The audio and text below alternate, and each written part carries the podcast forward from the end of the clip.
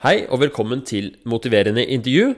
Denne episoden er en litt spesiell episode, for nå har jeg ikke med et intervjuobjekt. Dette her skal være en kommentar av den forrige intervjuet som jeg hadde med Vilde. Jeg har tenkt å ha sånne kommentarepisoder etter hvert intervju for å belyse forskjellige ting som jeg syns er relevant.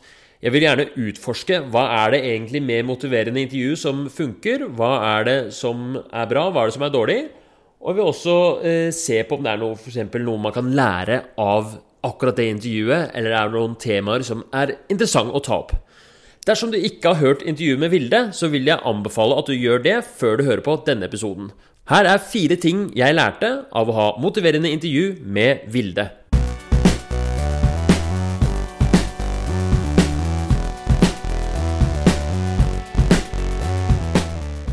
Den første tingen jeg bet meg i merke, og som jeg syns var interessant med intervjuet med Vilde, det var det at hun hadde en problemstilling som ikke er vanlig for motiverende intervju. Motiverende intervju er laget for typisk sånn rusavvenning. Altså røykeslutt, øh, og ta mindre narkotika. Uh, og alkohol, uh, alkoholikere. ikke sant? I den situasjonen så er det, er liksom det som motiverende intervju er skapt for. Men jeg syns at det fungerte veldig godt, egentlig, at Vilde hadde en sånn diffus problemstilling, at hun likevel brukte motiverende intervju som teknikk for å hjelpe henne med det. Fordi det tvinger oss til å liksom finne ut av ok, hva er det egentlig som er problemet, og så tvinger det oss til å komme fram til en handling som hun kan bruke for å få det bedre. Og jeg tror det er så lurt da, å, å knytte liksom å, å bruke og forankre endringen i en eller annen sånn handling. Det er mye lettere å forholde seg til enn en sånn derre eh, følelse, eller en sånn diffus eh, følelse av at livet mitt er ikke helt sånn som jeg vil ha det. Så mm, det syns jeg er interessant. Jeg vil fortsette å bruke motiverende intervju på diffuse problemstillinger. Veldig spennende.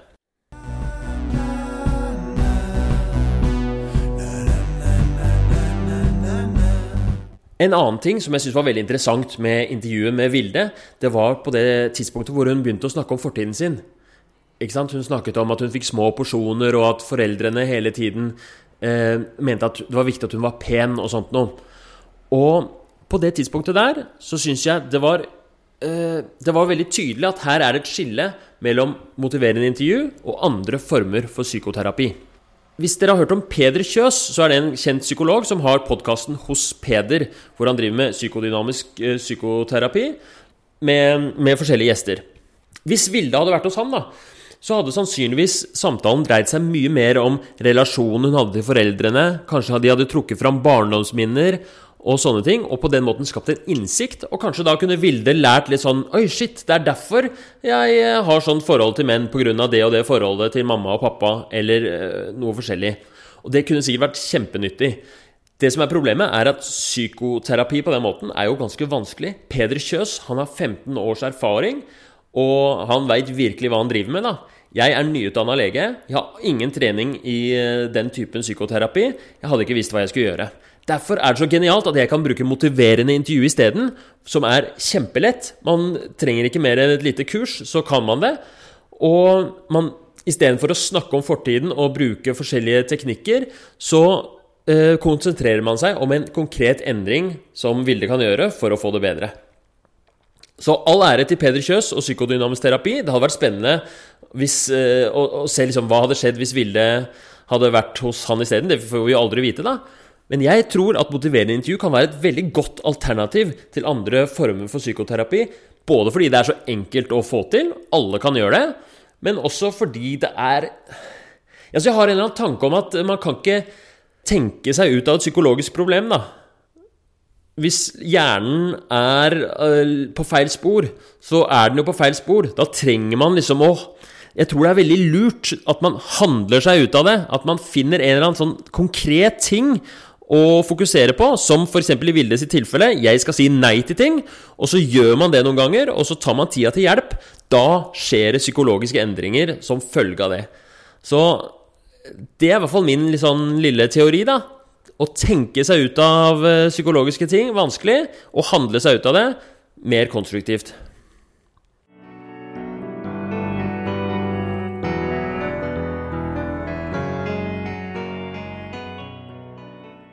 Ting nummer tre som jeg lærte av intervjuet med Vilde, Og det er Fy søren, så motivert hun var. Ikke sant? Hun sa jo det. Hun var villig til å miste venner. Hun var villig til at folk skulle bli sure på henne. Hun var villig til å gå gjennom masse trøbbel i de tre ukene hvor hun skulle gjennomføre målet sitt. Men altså, jeg syns det blir så tydelig da, at motivasjonen er ikke nok. Hadde vi stoppa der, hvor hun sa sånn Ja, jeg er villig til å gjøre dette her, og bare gått hjem, så hadde ikke vi hatt der, det gode resultatet som vi faktisk fikk.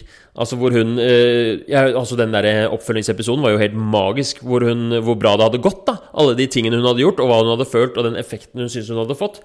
Men jeg tror at hvis vi bare hadde fokusert på motivasjonen, så hadde det vært dumt. Å fokusere kun på motivasjonen, det er som å lage mat og bare konsentrere seg om at vannet skal koke.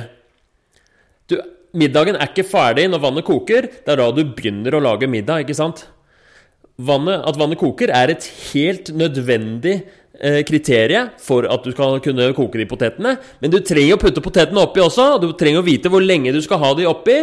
Og du trenger å ta de ut, servere. Du må ha salt i vannet. Alt mulig. Så det er Motivasjon er bra, men ikke nok.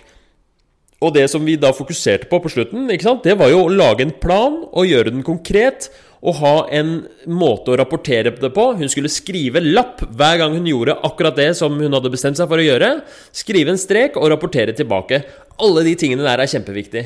Så det er liksom min lærdom nummer tre fra denne episoden. Motivasjon. Vannet koker, det er bra, men det er ikke nok. Du må ha oppi potetene også, ikke sant?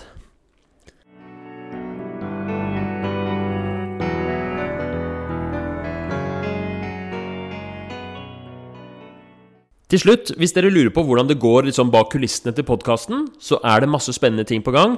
Jeg syns jo det har gått litt treigt fram til nå. Jeg har fulltidsjobb ved siden av. Hun som har hjulpet meg å redigere, Selma Moren, hun er jo fulltidsstudent, hun er skuespiller, har masse oppdrag, så hun har ikke hatt tid til å redigere så mye.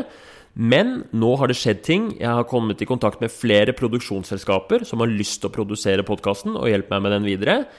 Lyttertallene stiger og stiger og stiger. Det er kanskje snakk om noe eh, spons fra Helsedirektoratet. Vi får se hvordan det går. Jeg skal i hvert fall eh, følge opp den tråden. Så det kan hende at i, om eh, kort tid så blir det mer fart på sakene her. Men jeg kommer uansett til å fortsette på egen hånd. Jeg flyr rundt med en håndholdt mikk. Jeg altså sniker meg inn på studioer jeg egentlig ikke disponerer, for å ha disse intervjuene. Og mm, jeg tar gjerne og betaler eksterne for å redigere, sånn at vi får fortgang ut sånn foreløpig. For jeg syns det er så gøy å drive med denne podkasten. Jeg brenner for det. Jeg føler virkelig at de gjestene får hjelp, og jeg tror at i hvert fall etter hvert som vi blir flinkere og flinkere til å lage disse episodene, så kan det være skikkelig nyttig og gøy for dere å høre på også. Hvis du har tilbakemeldinger, send det inn til meg. Jeg heter Herman Egenberg. Jeg har Facebook, jeg har Instagram. Bare send melding hvor du vil. Hvis du har lyst til å være gjest, vær så snill, ta kontakt. Hvis du har lyst til å sponse podkasten, eller hvis du har lyst til å bidra på noe som helst måte, ta kontakt. Og hvis du lurer på noe, send meg en melding. Jeg er åpen for alt. Vi snakkes.